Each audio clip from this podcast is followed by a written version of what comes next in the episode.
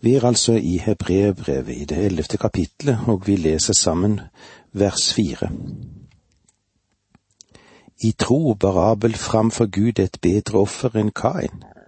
Fordi han trodde, fikk han det vitnesbyrd at han var rettferdig, for Gud godkjente hans offergaver, og med sin tro taler han ennå etter sin død.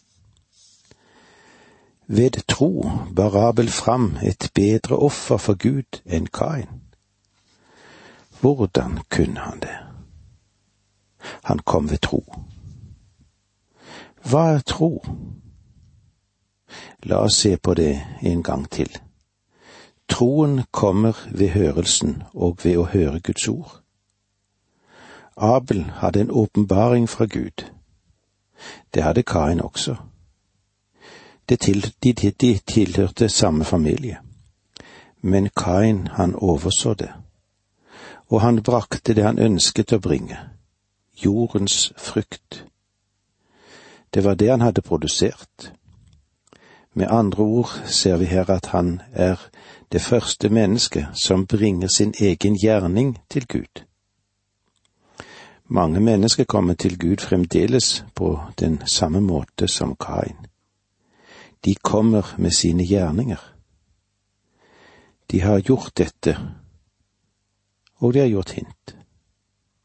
Kain brakte det han hadde dyrket. Men Abel, han brakte et lam og slaktet det. Om du hadde vært der, hadde du kanskje stilt dette spørsmålet. Abel, hvorfor bringer du et lam? Han ville det ha svart. Gud krevde det. Tror du at dette lille lammet tar bort synden din? Selvfølgelig ikke, ville han ha svart. Jeg sa jo nettopp til deg at Gud ba oss om å bringe det. Han sa til min mor at det kommer en i hennes ett som skal være en frelser, og den personen er dette lille lammet som vi har her som peker henne mot dette. Jeg kommer i tro og ser frem til den tiden når en forløser og frelser skal komme. Helt i begynnelsen gjorde Gud det helt klart hvordan veien til ham ville bli. Uten at blod blir utgitt, er det ingen tilgivelse for synder. Vi kommer til Gud på det ene grunnlag, at vi er syndere, og at straffen for synd må betales. Og det er grunnen til at det lille lammet måtte slaktes. Det lille lammet kunne ikke ta bort synd, men det var et bilde på Kristus som skulle komme. Han som er Guds lam som borttar verdens synd. Og det ble ofret i tro. Abels offer pekte mot Kristus, og han kom til tro. Det er frelsens vei, det. Gud gjorde dette helt klart helt ifra begynnelsen av. I dag er det slik at selv om en mann er totalt fremmed og forvirret og en dåre, så skal han ikke behøve å gå seg vill. Gud har gjort dette klart for oss alle sammen. Kristus er veien til ham selv. Gud ga ham for å dø for våre synders skyld Abel illustrerer derfor for oss troens vei. Det er en blodbestengt vei, Kristi vei. Nå vil vi se litt på Enoks tro. Enok. Han ser vi i troens vandring. Om du kommer til Gud gjennom Kristus, så skal du vandre med ham. Da blir det den troendes vandring som blir viktig. La oss lese sammen vers fem i kapittel elleve i Hebreerbrevet. For sin tros skyld ble Enok rykket bort uten å dø. Ingen så ham mer, for Gud hadde tatt ham til seg. Før han ble rykket bort, fikk han det vitnesbyrd at han, at han behaget Gud. Det er i første Mosebok kapittel fem vi finner Enok nevnt for første gang og det er et smertefullt kapittel. Dette er boken om Adam sett. Den dagen Gud skapte mennesket, skapte han det i Guds bilde, står det i Første Mosebok 5.1.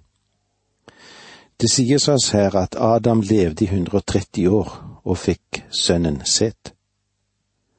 Så døde Adam, og Set levde videre og fikk en sønn. Deretter døde Set. I Adam dør alle. Slik har det gått fra slekt til slekt. Går vi så videre i kapittel fem, kapittel fem i første Mosebok, så er det nesten som å gå gjennom en kirkegård. Og der kan vi lese hva som står på gravstøttene.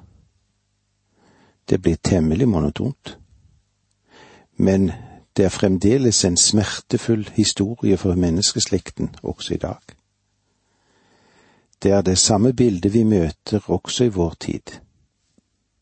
Tingene har jo forandret seg, det er så, ja, det har forandret seg litt her og litt der, men det som er sikkert er at mennesket dør fremdeles.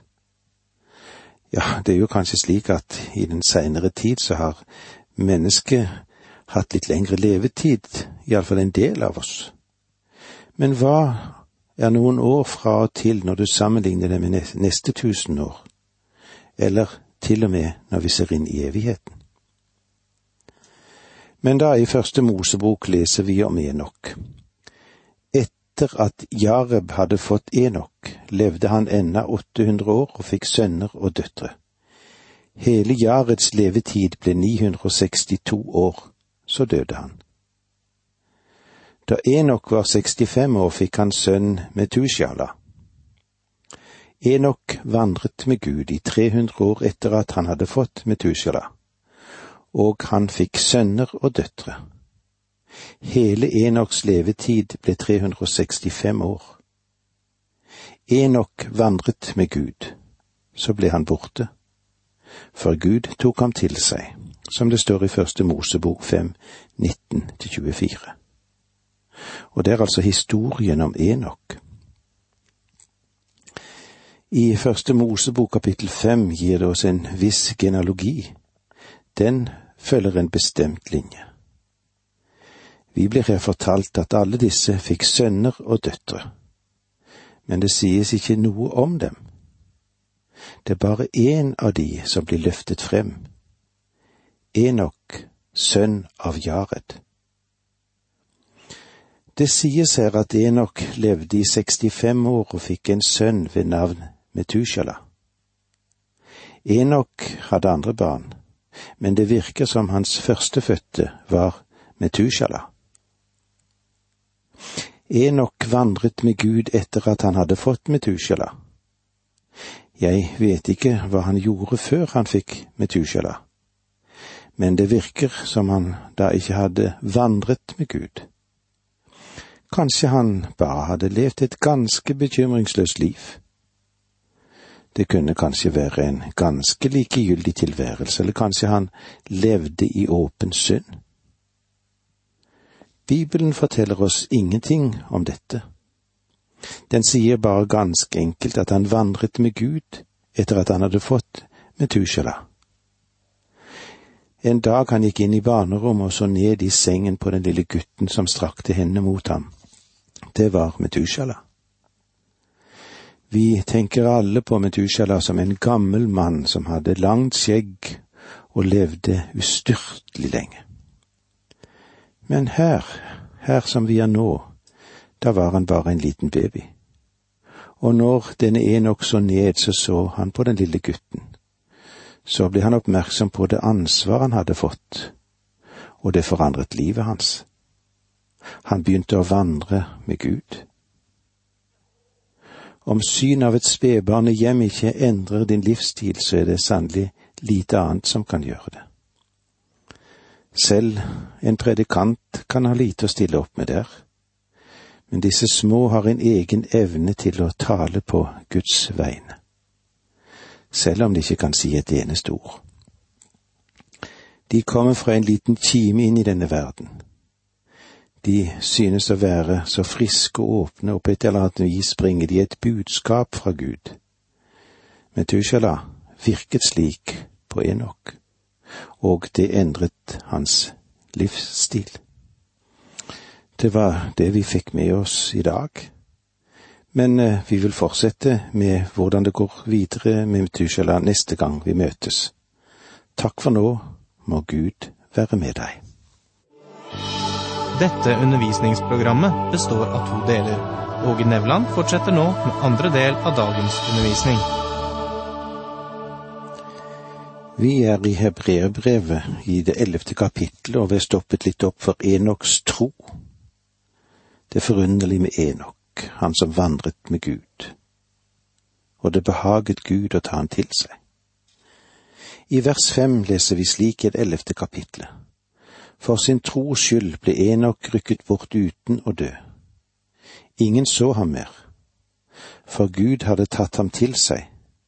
Før han ble rykket bort, fikk han det vitnesbyrd at han behaget Gud. Enoks tro. Bibelen forteller oss at Enok han hadde flere barn enn Metusjala, men det står ikke noe om at han døde. Altså Enok han levde til han ble tatt bort. Legg merke til det som står. Enok vandret med Gud, så ble han borte. For Gud tok ham til seg. I Enok møter vi troens vandring. Hebreverets forfatter skriver, for sin tros skyld ble Enok rykket bort uten å dø. Før han ble rykket bort, fikk han det vitnesbyrd at han behaget Gud. Hans vandring hadde behaget Gud. Hvorfor? Fordi han vandret med tro. Ikke med lover eller det som regulerer liv eller regulativer. Han trodde Gud, og han vandret på en måte som behaget ham. Så tok Gud ham til seg. Han døde ikke. Han ble rykket bort. Dette er den første bortrykkelse av et menneske som Bibelen forteller om. Han ble tatt bort fra denne jordens arena og til et sted Gud ønsket at han skulle være. Vi har et bilde foran oss her, et veldig bilde, som jeg tror har et åndelig budskap til oss.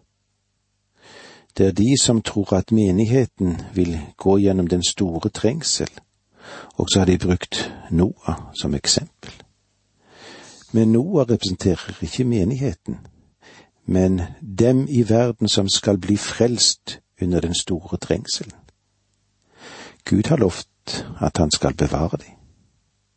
Hvem er de? De er de 144 000 av Israels folk, og så stor skare av hedningefolk.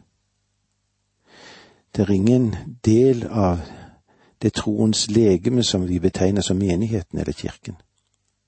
Det sies oss i åpenbaringsboken at før den store trengselsvinden begynner å blåse over jorden, og de fire rytterne begynner å ride, så vil de 144 000 av Israels folk bli beseglet, og også en stor skare av hedninger. Disse er representert ved Noah. Gud kan bevare deg gjennom den store trengsel. Men dette er ikke et spørsmål om Gud kan bevare deg eller ikke.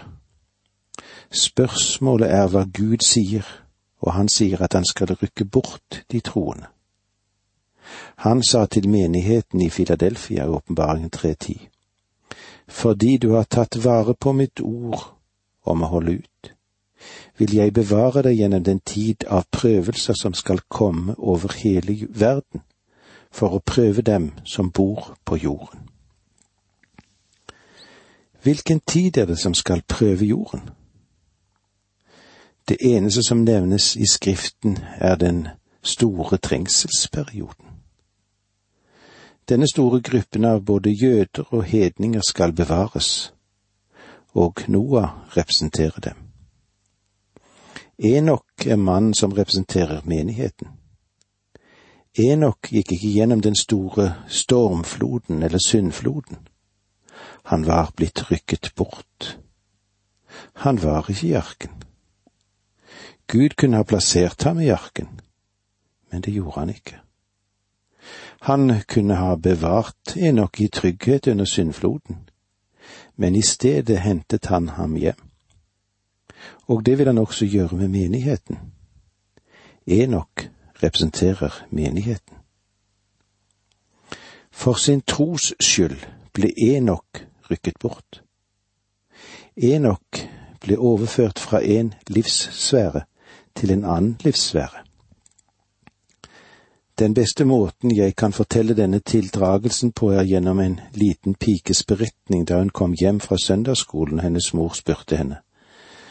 Hva fortalte søndagsskolelæreren om i dag, da? Og den lille piken svarte. Hun fortalte oss alt om Enok. Og moren sa, Vel, hva var det med han, da? Og så fortalte den lille piken mammaen følgende historie. Enok levde for lenge siden, og Gud kom til ham hver ettermiddag og sa til ham, Enok, vil du spasere en liten tur med meg? Og Enok han sa hver gang, ja, jeg vil gjerne ta en spasertur med deg, Gud. Og hver dag kom Gud til Enoks hus, og Enok tok en spasertur med Gud.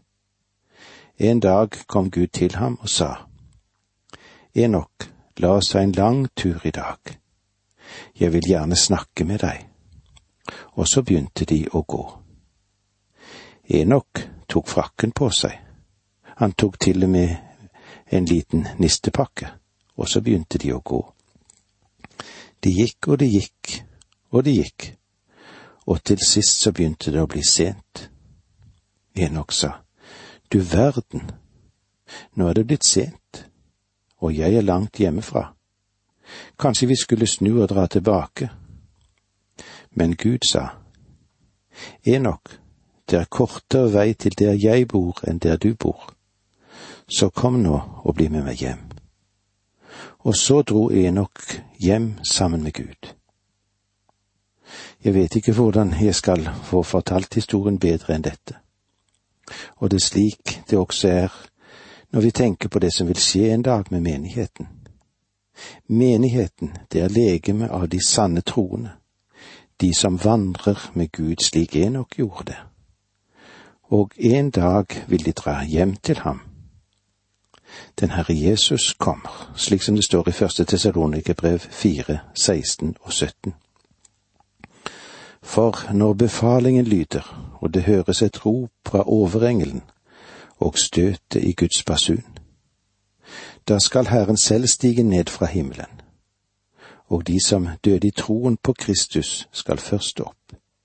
Deretter skal vi som er blitt tilbake og fremdeles lever sammen med dem, bli rykket opp i skyen, i luften, for å møte Herren, og så skal vi være sammen med Herren for alltid.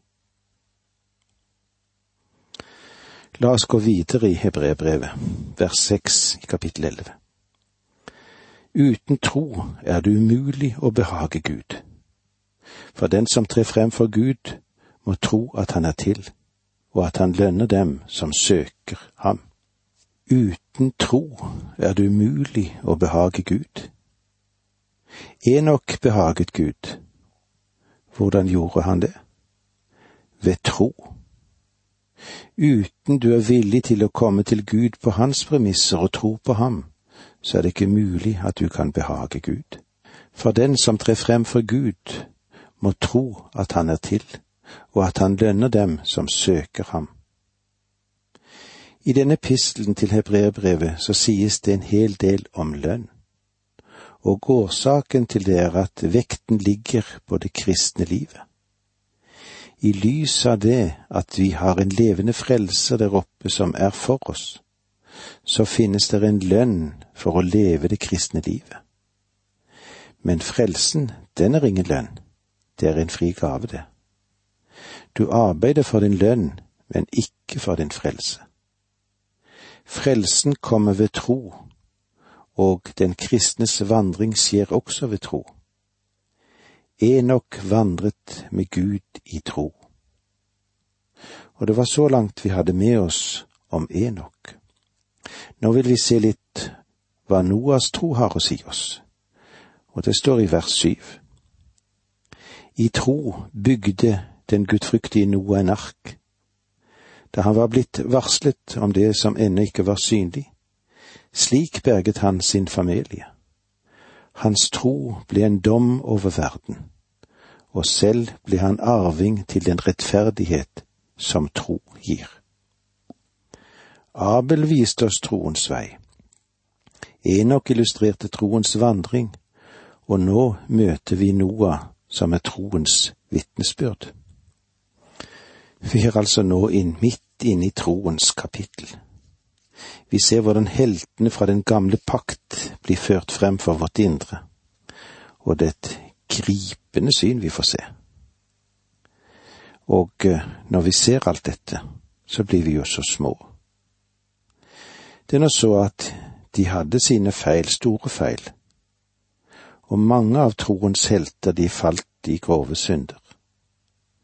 Men når Gud ser på dem, dømmer han dem etter troen. Den som tror på Gud blir reddet ut av sin synd, men den som ikke tror, hva med den? Den går fortapt. Troen viser seg på mange måter, men kjernen i den er lydighet mot Gud. Derfor er det Bibelen så mange ganger forteller oss om troens lydighet og lydighet mot troen. Og så er spørsmålet hvordan er det med deg? Hvordan har du det med din Gud i dag? Det var så langt vi kom. Må Guds nåde og fred og velsignelse hvile over deg.